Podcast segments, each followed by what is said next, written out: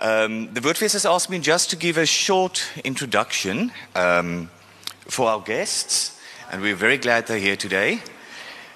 John Hanks is a uh, zoologist with a PhD from Cambridge and with over 45 years of experience in a wide variety of conservation management and research projects in several African countries.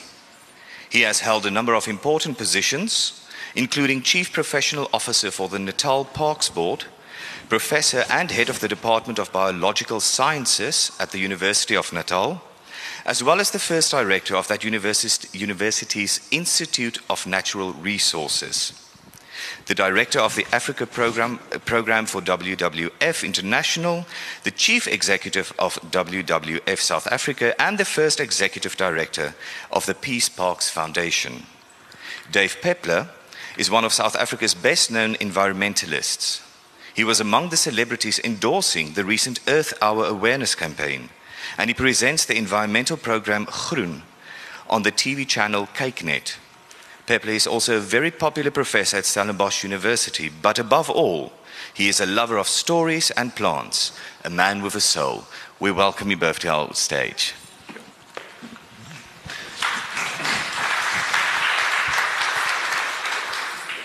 Thank you. Is this working? Yes. John Hanks, welcome to Hard Talk. We share at least one thing. I've known John uh, for many, many years, but we share um, an alma mater, and, and both of us studied at the Department of Zoology in the University of Cambridge, where John um, read for um, zoology major in 65, then a master's and a PhD in 71. There's hardly an ecological or an environmental body in this continent that John Hanks has not served with distinction and is serving to this day.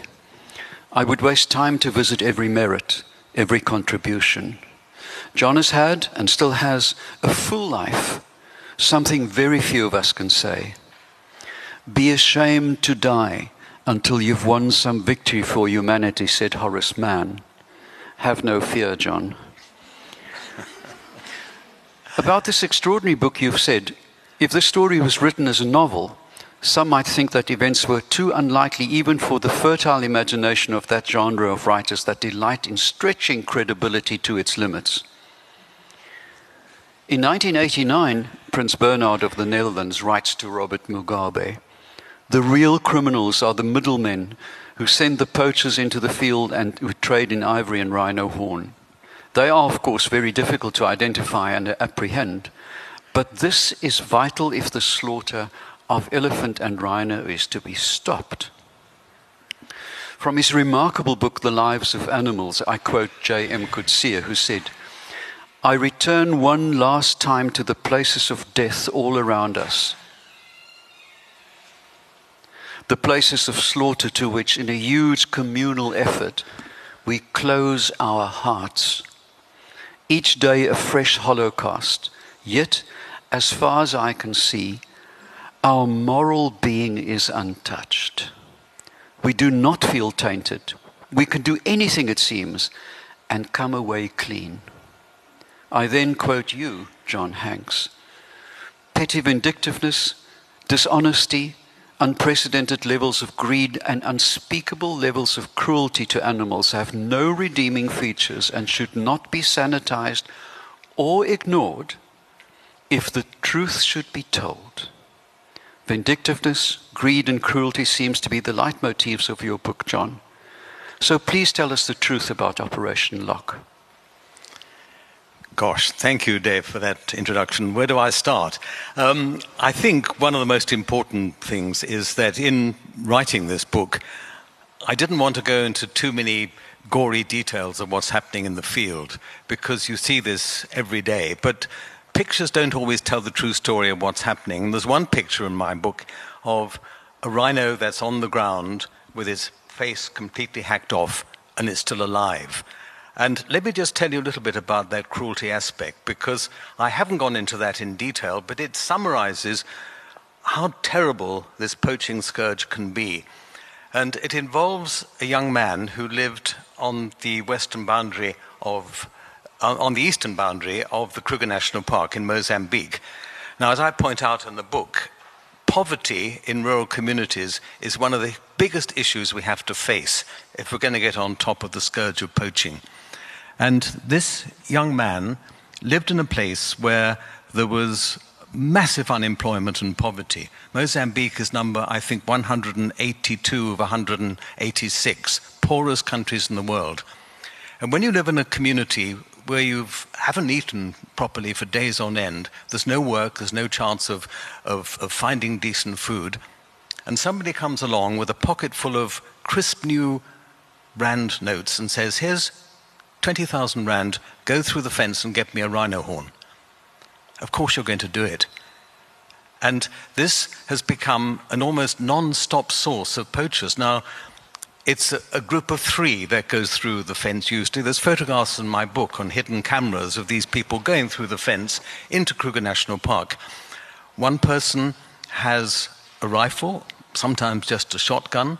Others have um, carry a sack, and somebody has um, a, an axe to, to hack off the horn. Often, because they have to get out quickly, they will shoot an animal, and then it goes down and they will go up to as fast as they can, and without finding if it's dead, they will cut the horn off. And they cut the horn off not just above the lip line, but right deep down into the nasal cavity. And then they run. In this particular case, this person who went through the fence, he came into contact with people from um, the army who were patrolling in the park, and he was shot and killed. Some 260 people from Mozambique have been shot and killed inside the Kruger Park. That rhino lived for eight days afterwards. And you can imagine the excruciating pain of an animal like that. The picture's in the book. Now, that sort of unspeakable cruelty, you don't want to go into too much detail on it, but it's that sort of thing that stimulates everyone to say we must look at ways of putting a stop to this. Because it's a terrible loss of human life, is one thing, but the cruelty to the animals is something that is unacceptable. That's just one example. There's many others that I could talk about. At what stage of your career, John, did you did you hatch this plot? Uh, uh, did you try your level best as a professional scientist uh, to use the the um, the pathways of science and science communication to say we have a problem. You've, you've done that from the beginning. I mean, you were involved yes. in the heart of Africa in Rhino Country Supreme. But at what stage of your career did you really think, now, we need a plan B, C, D, and E. Well, I, it, it, came about in, in 1987. I was working for WWF in Switzerland at the time, and I was doing a tour through Africa with the founder president of WWF, Prince Bernhard of the Netherlands. And we visited Zambia. And Zambia is a country I worked in for six years. And when I left Zambia in 1970, the Luangwa Valley alone, I don't know anyone here knows Zambia? Quite a few. Okay, Luangwa Valley alone, 1970, had something like 4,000 black rhino. By the time we went there in 1987, nearly every single one of those animals had been killed. So the tide of poaching was moving south across the Zambezi River into Zimbabwe. And we were in Zimbabwe at the time, and WWF was funding um, the hire of a helicopter to do survey work and what have you. And Prince Bernhard said to me, You know, we're getting this all wrong. What are we doing? We're putting more money into field protection, but who are the middlemen driving the trade? Until we deal with those people, we're not going to get it right. And I absolutely agree with him because you could see the tide of poaching moving across the border into Zimbabwe and starting to increase down there. And he said, Look, if we're going to investigate the trade, we've got to get specialists to do it. And he said it's not a job for amateurs or enthusiastic people. People driving the rhino horn trade are probably dealing in human trafficking, in illicit trade in diamonds and gold, and you name it. And if you start trying to infiltrate something like that, you will literally be killed. They don't like it. It's not acceptable. They will take you out. So you have to get total professionals to do it. And he said to me, This is a difficult project to do. I don't want it to be a WWF project because of the sensitivities. I will fund it from my private funds if you, me, John Hanks, can find someone to do it. Now, that's quite a challenge, and I think if anyone was asked the same today, I'd like to know what they would undertake. I think it was the right thing to do. We've been criticized for taking it on, but who would have said no to a challenge like that? And it was very difficult to know where to begin to look. But to cut a long story short, we made contact with a group of people from the British SAS who worked very closely with David Stirling, the founder of the British SAS. And the person that eventually had contact to lead this operation in southern Africa was a fellow by the name of Colonel Ian Crooke one of the most highly decorated people, highly experienced individual. He broke the siege of the Iranian embassy. Anyone remember that siege of the Iranian embassy in London? He, he broke that siege. He's one of the first people to go into Falklands. But most importantly, he had worked in Northern Ireland and he understood surveillance techniques. He knew how to infiltrate the IRA network. He knew how to get information, how to use it, how to disrupt networks. He was the person that was appointed to do it, and that was the start of Operation Lock.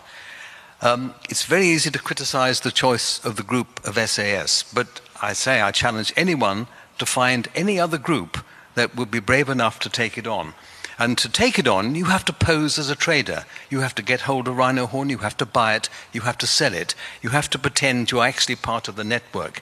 And that is not an easy task. That was how the operation started. Just to um, support your, your argument about the danger of such operations, I, as a poor scientist and an academic, uh, smelt riches in Tanzania once, and you know Dalbergia melanoxylon, African blackwood. Now, it's the most expensive wood in the world at 29,000 US dollars per cubic meter, and there was a lot of it about.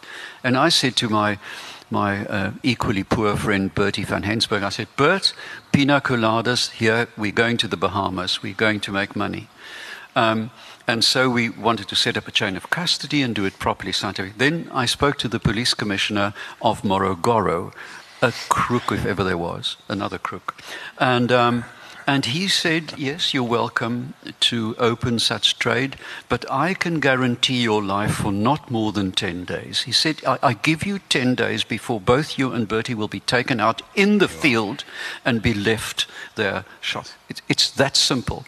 But before we go on to the, the, the workings of Operation Lock, John, can we step back a little bit? You remember Keith Eltringham from. Yes uh, from Cambridge. Now, Keith told me when he was in, in Kenya, you know, soon after the war, flying transects and so on, that the, already then the um, rhino tr- trade was very active.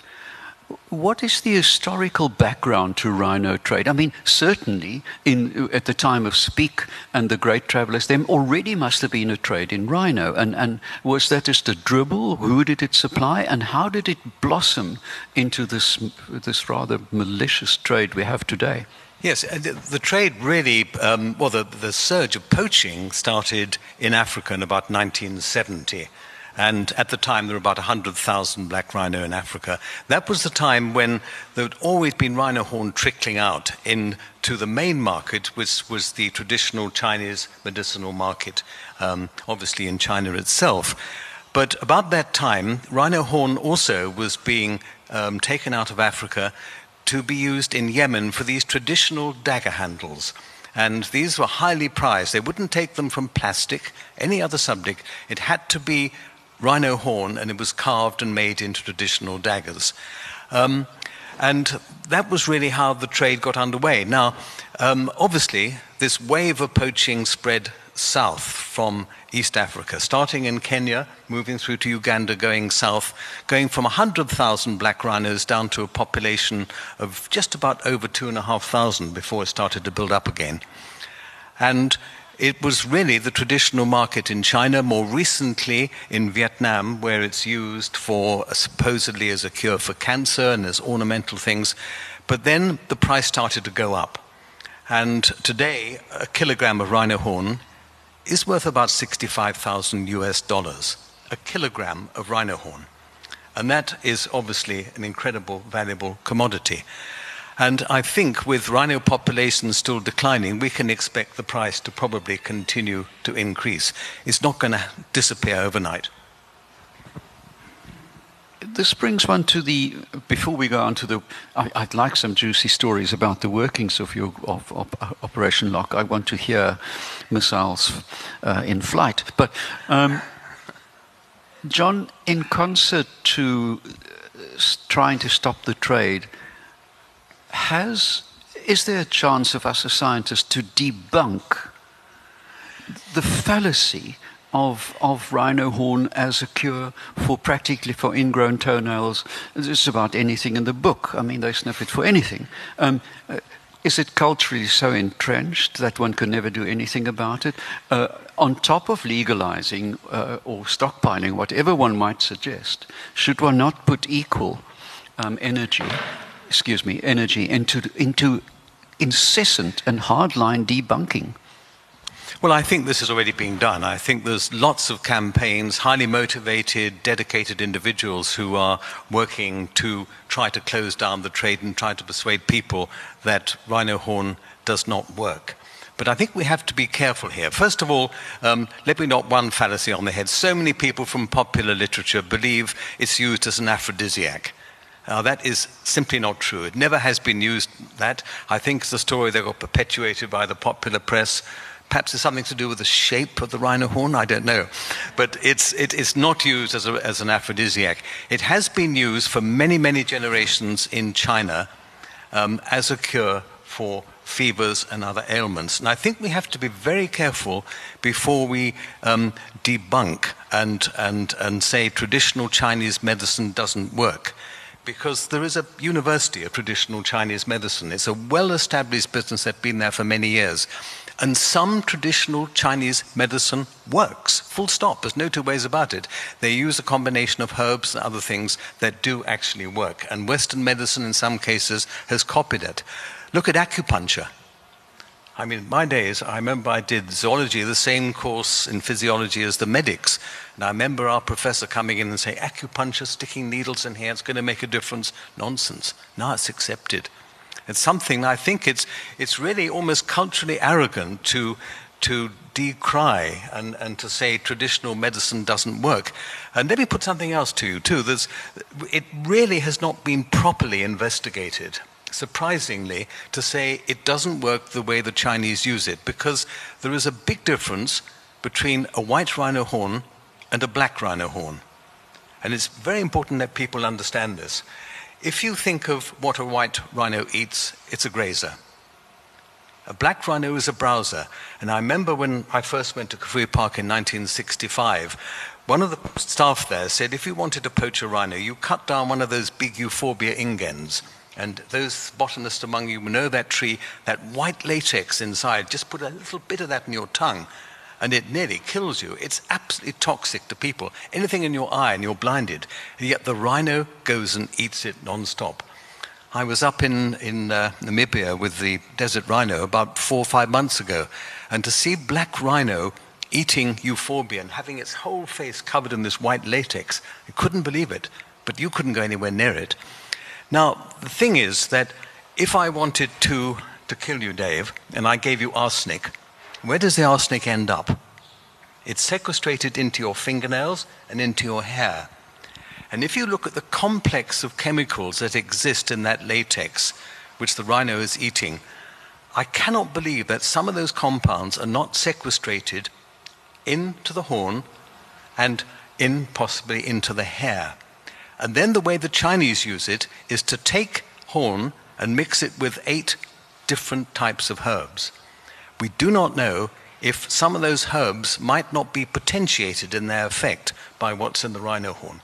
These are the details that we have to look at, but it's wrong to just debunk it and say it doesn't work. I know a lot of people are trying that, but they must be honest in their approach and say, we don't know, but please try to discourage it. Now, rhino horn, of course, has not been used legally in China for a long time, and I think they realized it, is uh, trying to put a ban to it. But if you think that the country has, what, 1.3 billion people, there are 57 different dialects in China. And no matter how well intentioned your campaign is to close down the trade, it might happen, but I honestly believe it's not going to happen for at least one or two generations. You haven't got that time. Look at the rate of rhino loss. You're not going to change that demand in the time that you have. And the other big mistake, and I must mention this as well, is the burning of rhino horn stockpiles and the burning of ivory stockpiles. Let's just deal with rhino horn stockpiles. Some of the NGOs will say, wonderful, we all go around, we're going to cheer and clap, rhino horn is being burnt. And it's sending out a message. Now, what message is it sending out? It's sending out a message to the middlemen, and listen very carefully to this, that rhino populations are going down, the stockpiles are being destroyed, the price is going up, so let's go out and kill as much as we can before everything is gone. It's just the message we don't want to send out.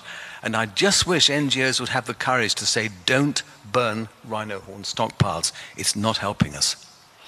I sat next to the good Dr. Leakey on a plane once, just, just after he'd burned 25 stories of ivory, and I attacked him on this. He, he has a very short temper. Do you know, John? And um, if he could have opened the emergency door, he would have thrown me out of the plane. I mean, he was, he was livid. Um, because you, you, you, really don't talk back to those people. Uh, on debunking, what I meant was that it is extraordinary that um, we haven't done double blind tests on this enough to be able to, to, to elucidate its, its work the same problem we have with traditional medicine of the Rastafarians in, in the, in the Fynbos. I constantly say, if you can prove to me that you are, like a medical doctor in science, having follow up visits, they say, We've never killed anybody. I said, Because you don't see them again. Yes. You know, it, it's very simple. You give them a hell of a dose of, of Kruger and that's the last you'll ever see of them. Um, but uh, enough of that. So, John, let us just look at your at Operation Lock per se, and not post that. Do you think it had a measurable effect? Could could you, with conviction, now say yes? Um, we did stem. We we actually brought down rhino poaching during that time. No, I think because it ran for too short a time. And um, what people have acknowledged was that the, the group from the SAS that came to South Africa were very good at working with people like Pete Lategan, who had just been appointed recently to head up the Endangered Species Protection Unit. And he admitted, and he's done this in writing, that he learned a great deal about surveillance techniques from this group. They were utterly professional, this group from SAS. They knew how to gather information, how to store it, how to use it, and he certainly learned from that. The time um, that the operation was running, the stories in the book of, of, of covers that were broken, of people who were exposed, people who were arrested. But this was going to be a long term operation. And if, it, if the cover had not been blown on, the whole exercise, it ideally should be operating today. And the tragedy is today, we still don't have anyone quite doing the same sort of work. You see, they're still gathering intelligence information. But when you have that information, what do you do with it? And it gets back to what you were saying in your own experience. How do you manage that information in relation to corruption in Africa? And this is a huge concern. And let me just one simple example of that to show you what I mean. I, I give account in the books of five presidents that we went to visit with Prince Bernhard. And sadly, with probably exception of uh, Kaunda, all of them were corrupt in a way that was quite amazing. And even President Banda of Malawi, a British trained medical doctor, worked in the slums of England for years. He was guilty of, of fleecing millions of state funds from a very poor country. Forget about Kenya and the other countries. And of course, the master of corruption and lining his own nest is Robert Mugabe. And um, I'm surprised I'm still alive, having written this book, incidentally, writing about some of these things. But um, one simple example the, the Operation Lock got irrefutable evidence that the North Korean embassy in Harare was involved in taking rhino horn out of the country. And you can take things out in what's called a diplomatic bag. And a diplomatic bag is not a little suitcase, it can be a shipping container, but it can't be opened. And we got irrefutable evidence, and Ian Crooke went up and handed over a dossier to the head of police in Harare. And the head of police said, Yes, we'll follow this up. Five days later, he was told to drop it. And the instruction came from the top. Why?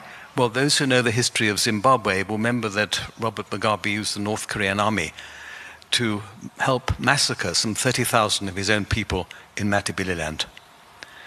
And he owed the North Koreans a favor, and there's no ways he's going to prosecute them. That's the level of the problem that you have. When you get this information, what do you do with it?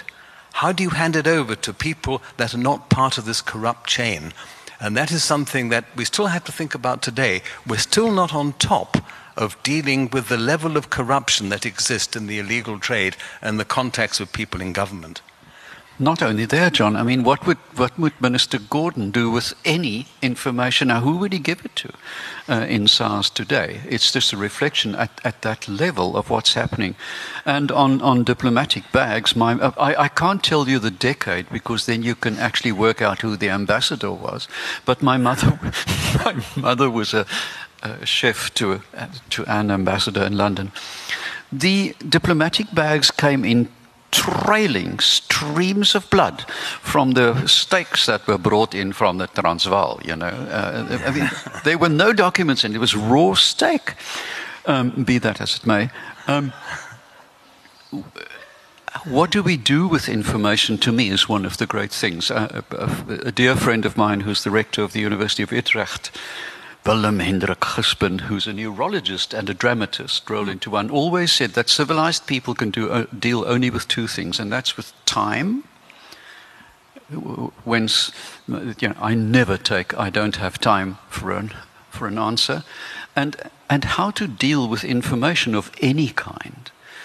We're moving into an extraordinary age of autonomous drones, for instance. Yes we're moving into age of, of eavesdropping um, at levels we never thought possible. We're moving into an age of tracking bees in flight with radios, yes. you know. So yeah. how do you see this, this gift of technology on top of your prescription of legalization to a degree? How do you see these working in concert? Well, I think um, technology is absolutely amazing nowadays. It's, uh, um, I think back to 1965 when we first moved to Kafue National Park. Um, we were finding out, wanted to find out how elephants move from A to B, so we had to mark them to try to identify them. And I remember um, I, I was doing some of the early work with M99. Um, we got it free of charge, and we darted an elephant.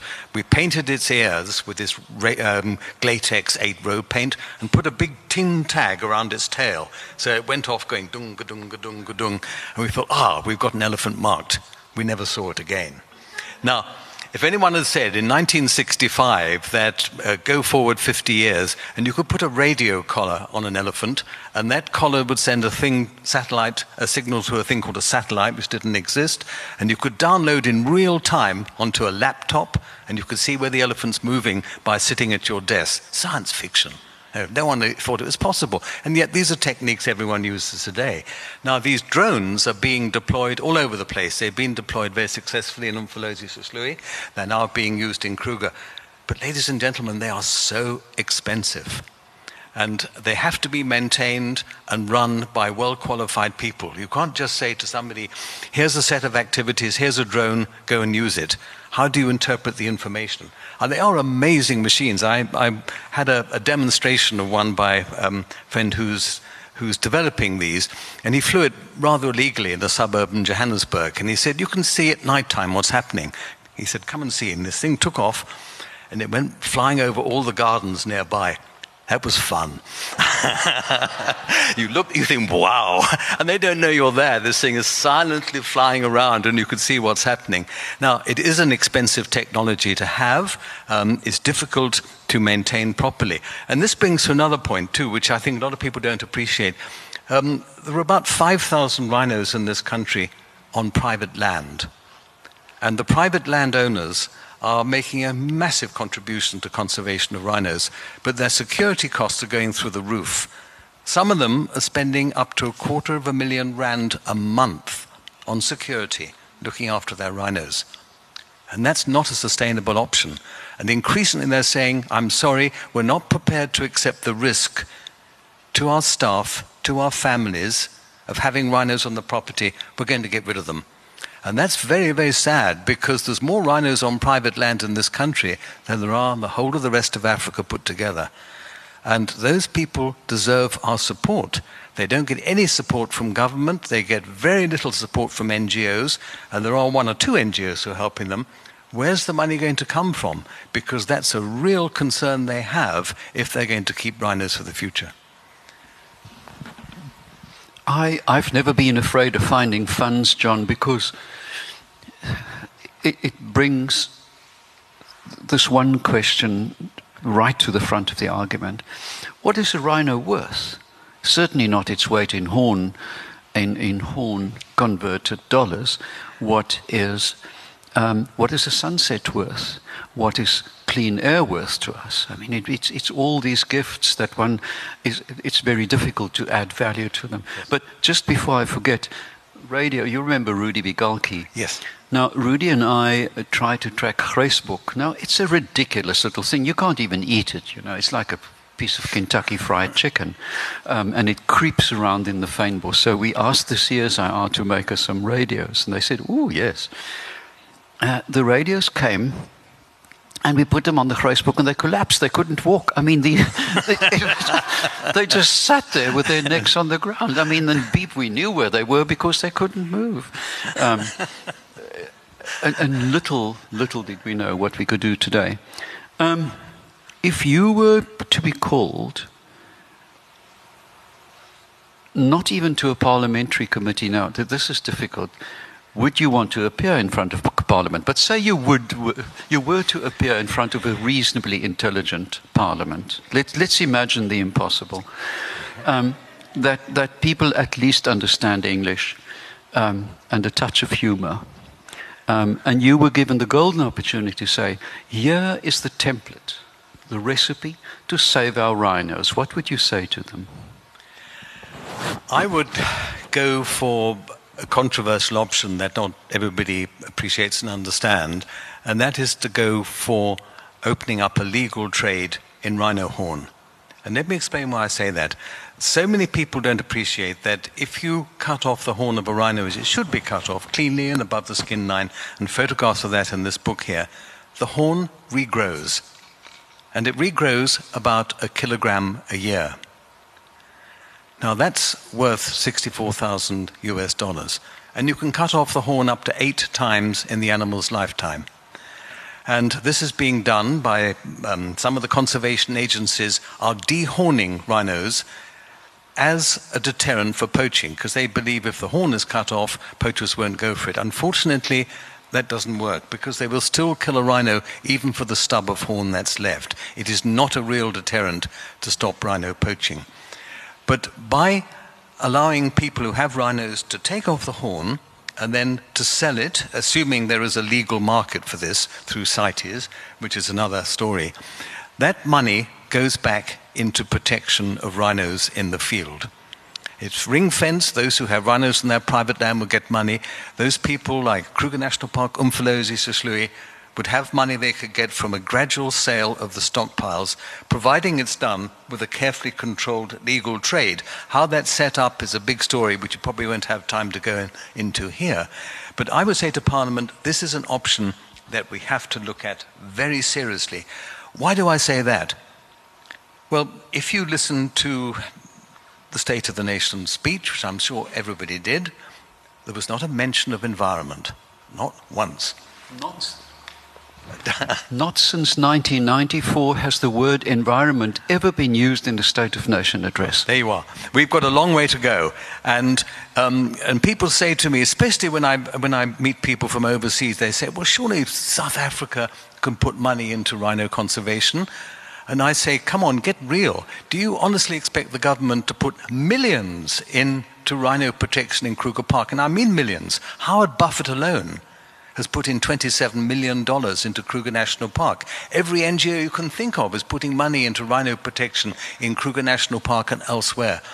Do you honestly expect the government to do that when they've got huge demands for free tertiary education? when they can't keep the lights on, and we're lucky today that Eskom seems to be coming right. SAA's got a problem, service delivery problem. How many people unemployed in this country? Eight million? Conservation of rhinos is not a priority. That is a reality.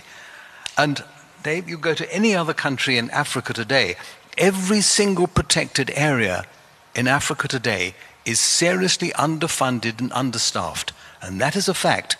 You find me any state protected area that has adequate funds. There isn't one. And it's not a priority because Africa is a poor continent. They have massive social problems that governments are going to address. So then people say, well, it's fine, the outside world will fund it. There's donor fatigue. People are tired of being asked constantly, yet another appeal for rhino conservation, and they see it's not working. So if we tried the legal trade, the important point is that suddenly rhinos can pay for themselves. Not all rhinos have to be dehorned. You can still go to places and you see rhinos that are not dehorned. They're not going to be farmed and kept in tiny pens where their horns are cut off. They're free ranging, but you can mobilize them, take the horn off, and sell it, and it regrows. Now, the most important thing is this frees up money for what I think should be the conservation priorities. Someone said to me, What are the priorities? If I say I'm working in, in, as an environmentalist, elephants and rhinos, all they ask about. What about our pollinators? Our pollinators are disappearing at a rate of knots. We have a food security problem in this country. Pollinators are not sexy, not good for raising funds. What about our water catchment areas? We're a water stressed country. Our catchments are being destroyed. Why aren't we putting more money into water catchment management? What about acid mine drainage? What about these real, real concerns we should be addressing? Far more important than just rhino conservation on its own. And when people begin to understand that a legal trade can take the pressure off constant draining of conservation funds that should go into other priorities, they begin to think, why didn't we hear about this earlier? Why didn't we know this was happening? I think you would agree, John, that our, we use in conservation our brushes for the canvas are much too small. We use small brushes. Take, for instance, the Table Mountain ghost frog. It's a ridiculous thing. I mean, I mean, why does it exist? It's such a gloomy frog. But anyway, um, now people say, oh, we should all catch them and put them in little aquaria and save them from these new fungi. If you look after the mountain, the frogs will be fine. We know that, you know, the landscape, the health of the landscape. But this brings me to, a, to this point, which I really leapt up when you said the word environment. I, I constantly spread this. It's never been used in a State of the Nation address. But overriding the, the, the state, we have a constitution which gives us the right to a healthy environment. Do you think it's time for militancy? Should you and, well, you and I not really. Let's, uh, uh, uh, let's pick some younger scientists that can really start muckraking, being loud and vociferous, vociferous, or do you think the civilized Cambridge approach is more appropriate? I think that's a great question because um, I, am going to ask a question to the audience. Now, if you think of all these environmental problems we've had, who would you turn to in South Africa as the person who has the standing to criticize the ANC government on an open platform, who can stand up and say to the mining houses, stop this acid mine drainage, get your house together, who can say to people who are destroying our catchment areas and not looking after um, the removal of invasive aliens, get moving on this. Who is South Africa's environmental advocate today? Give me a name.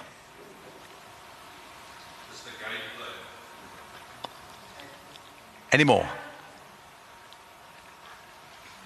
And I'm, any more? You see, this is, I've asked this question lots of times before, and usually the answer is we don't have one in this country.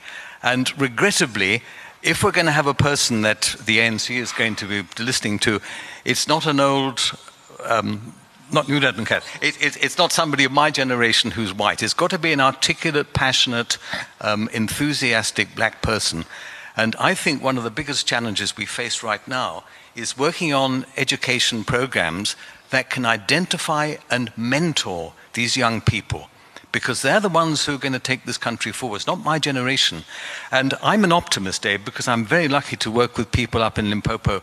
Um, and I see some very, very bright young people coming through. It gives me huge hope for the future. They're still young, they're still 30, 35 coming up, but they're going to be the leaders. And if you think of in Kenya, there's that wonderful lady called Wangari Maathai. Sure you've heard of her. She got a Nobel Prize. She grew up on the slopes of Mount Kenya. She came from the local community. She got a PhD. And she really gave hell to the Kenyan government for allowing the forest to be destroyed. She said, You do that, our country's lost its water cycles. They locked her up. Eventually, she won the day and she got a Nobel Prize for it. We don't have a South African Wangari Maathai. We've got to find those people. And I think we need to invest in finding them, identifying them, mentoring them. And mentoring is such an important word nowadays. Don't just keep, give people a bursary and say, get on with it. You've got to work with them and you've got to try to pass over the enthusiasm that you have for a subject, because enthusiasm can't necessarily be taught, but people can see from example. And if they're enthusiastic and passionate, it's going to make a difference. It makes me think of a, of a wonderful essay by um, who wrote Passage to India? My mind's completely cooked. Yep. Thank you. He wrote a, a, a, an essay, How Not to Look at Art, and um, in which he asks the, the great question, What is art? You know, like we want to question what love is and so on. And he said that art manifests itself when the beholder receive some of the creative energy that went into the work and thereby becomes a lesser artist. And this is the energy we're talking about in mentorship. That energy is given in order for somebody else to become um, what he or she needs to be. But uh, I'm like a hen seeing a lot of mealies, John. Um, if one if one thinks of um, of, of funding, of course, all of this needs mentoring, needs money. I think at last count, there were 142 different NGOs uh, trying to find money for rhinos, selling pencils at Pick n Pay, and then, you know, are these all legit? And where does the money go? Because NGOs are simply self perpetuating machines, as you know, and the intellectual capital is locked up in finding more money instead of doing things. Well, there's actually over 400 organizations raising funds for rhinos. And there are obviously some very legitimate, well run, well managed organizations. I'm delighted to see in the audience here three of my colleagues from WWF. And I think you'll agree that's an organization that really set very high standards of how the funds were used and what happened and so on. But there are scams. And I was in the other day in Hermanus, and there was a person with one of these photographs of a rhino with his face hacked off. Save the rhino, wearing pseudo uniforms, collection boxes. And I said, Who are you working for? And they said, Save the rhino. And I said, What organization? And they got very shifty. And of course, they couldn't tell me. They were collecting 100 Rand notes, 50 Rand notes, their collection boxes were full. It's a scam, no two ways about it. And the number of scams have been exposed like this. I think the government is tightening up on those that do this type of work. There are honestly some very good, legitimate organizations, dedicated, sincere people that work on a shoestring budget that are raising funds. But I think we have to ask the question, Dave is the way that money being spent is it sustainable? And if we're going to go on pouring money into the same sort of thing we're doing now, we're losing. We can't go on just putting money into field protection without dealing with the other issues, the trade issues, the possibility of giving rhinos a value through selling horn. These are issues that have to be addressed. And if we continue as we're going to do now with the belief that the trade, closing down the trade, is going to stop it. We haven't got time for that to succeed. So, those organizations that are legitimate, identify those carefully. Before you give money to any charity, incidentally, I think everyone should ask for audited financial reports. That's common sense. People don't do that, they just give. But find out about the charity, find out who's on the board, find out who manages it, how it's controlled. When was their last audit done? And if they are legitimate, you're quite entitled to ask, I'm going to give you 100 Rand for rhinos, how will it be spent? They've got to tell you. They can't ignore it. And if you think that they're good and legitimate organizations, then please do support them because that support is needed. I, I, agree with you, John. The, the problem with NGOs in general, and I'm talking Africa, I'm not talking Indonesia, is that so much of the intellectual capital of the NGO is taken up in the procurement of more funds instead of being innovative. Uh, it, it's, it's a sad reality. The second thing I want to say is that. Um, something I'm particularly worried about. I, I am in full agreement with your thesis of, of, of legalizing um, and the structures around it. That doesn't address, unfortunately, um, pervasive poverty on this continent. And I've thought about this quite a lot, and you know, the advanced age gives one the luxury of thinking about things and not doing much.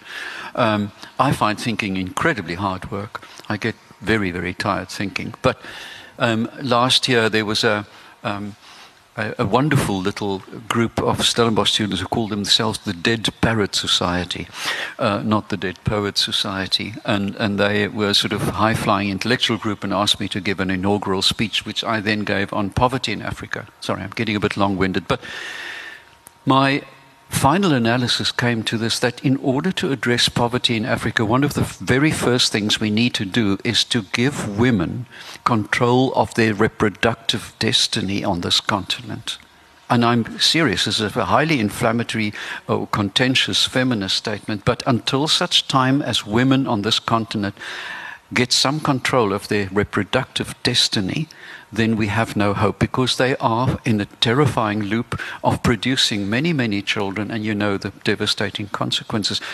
How would you think would one begin to address the poverty issue in the light of um, st- stabilizing demand, but poverty remains?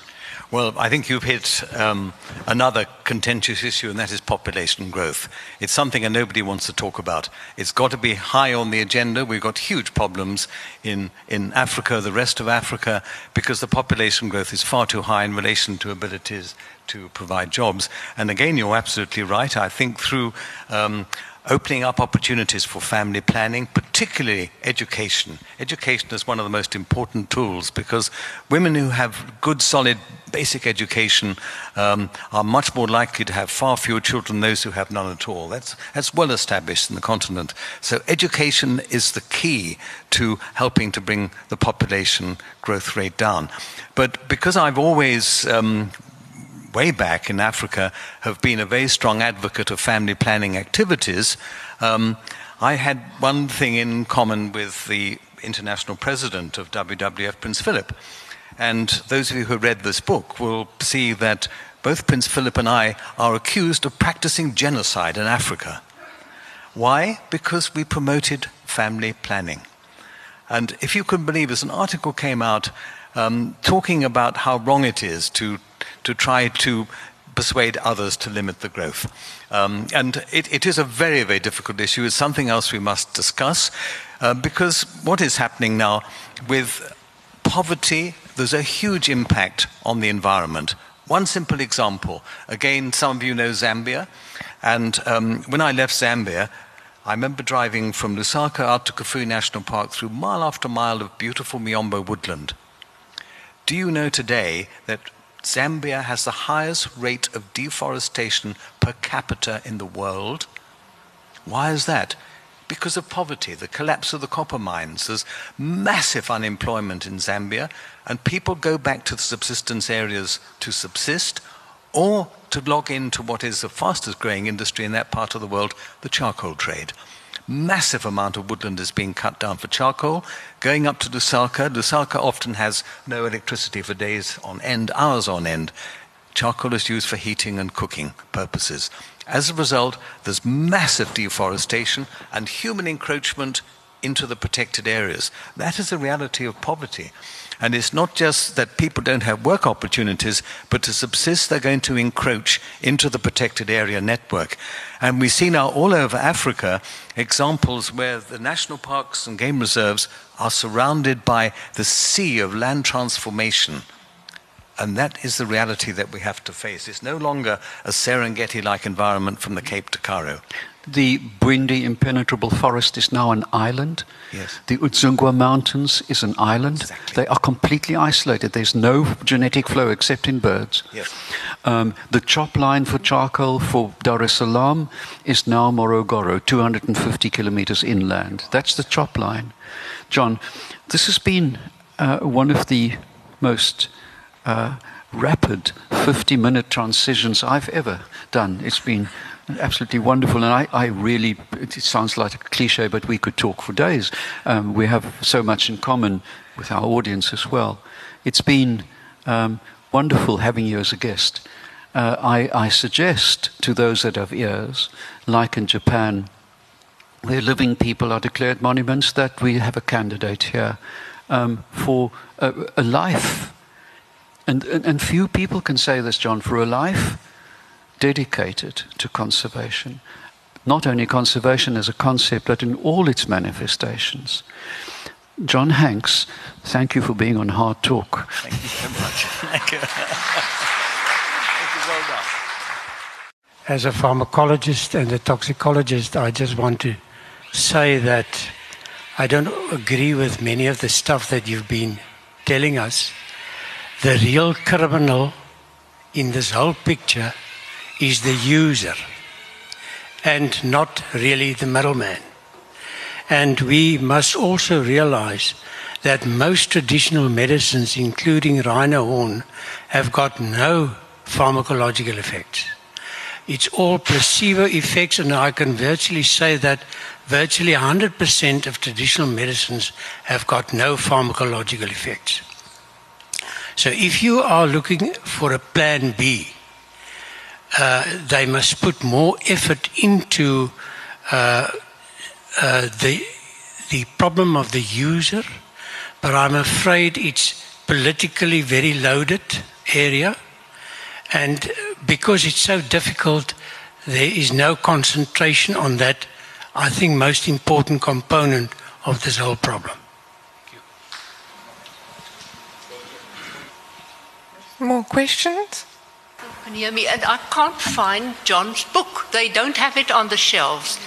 Is it here today? Is it in the book? Okay, so we want copies, please. Thank you. Any other questions? If if I can just comment on that, I, I think um, um, it's, it, it should be in the bookshelves, and um, the best person to answer why it's not there, um, you can do that at the end. It's, um, I hope we can make sure it is in the bookshop soon here. Um, Mr. Hanks, uh, name is Langenhoven. I just want to ask you about, you want to open the trade in, in rhino horn, but the, the pearl and abalone business, that is open to the public and you export it and still the poaching is carrying on like anything. I'm talking about abalone.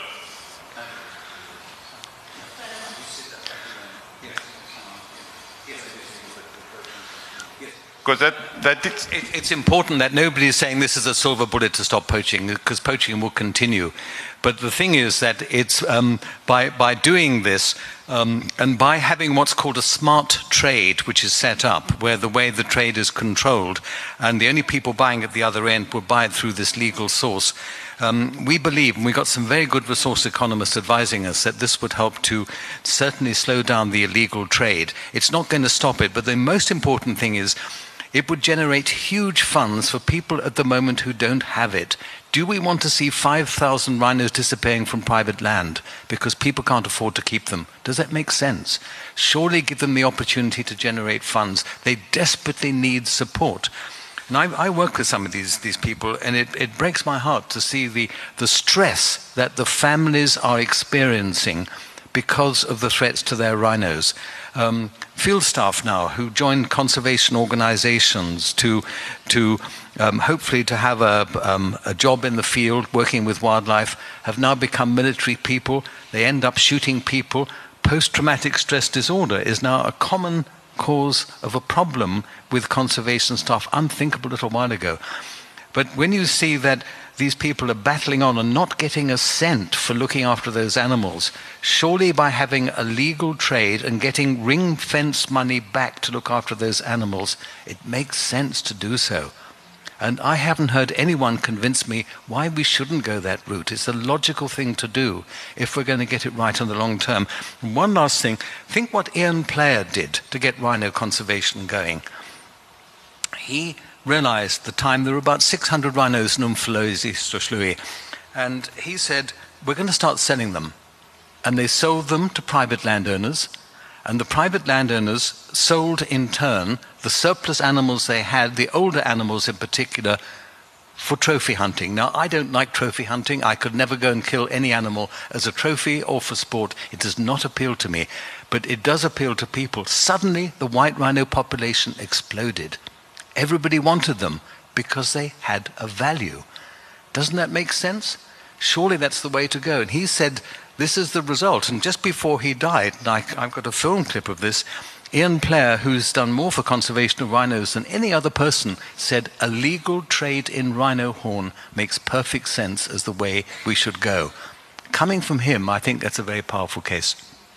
John, there's a vulgarism in, in, in you know, one catchphrase, but I'm afraid that there is a lot of truth in, in, in what is branded about in terms of hunting and trophy hunting. If it pays, it stays. Uh, you know, I mean, it, it, it really makes sense. If it pays for itself, then the chances of survival are infinitely higher than creating false hopes and false markets. Okay, um, just to explain about bookstores and why um, not all bookstores uh, have John's book at the moment. Um, we push out hundreds of books, the publishers, to bookstores, and they are committed to to um, sell the sort of the newest titles, to have them in stock. So it's from uh, any titles published in the last three to six months. It's just a, pa- a space um, problem. And um, so the best for older titles, older than six months, if you can't find it in a bookstore, then all the online bookstores will have it, and any bookstore should offer to, to order it for you as well. Um, so those are the solutions. Um, John will sign books at the small table there at the back.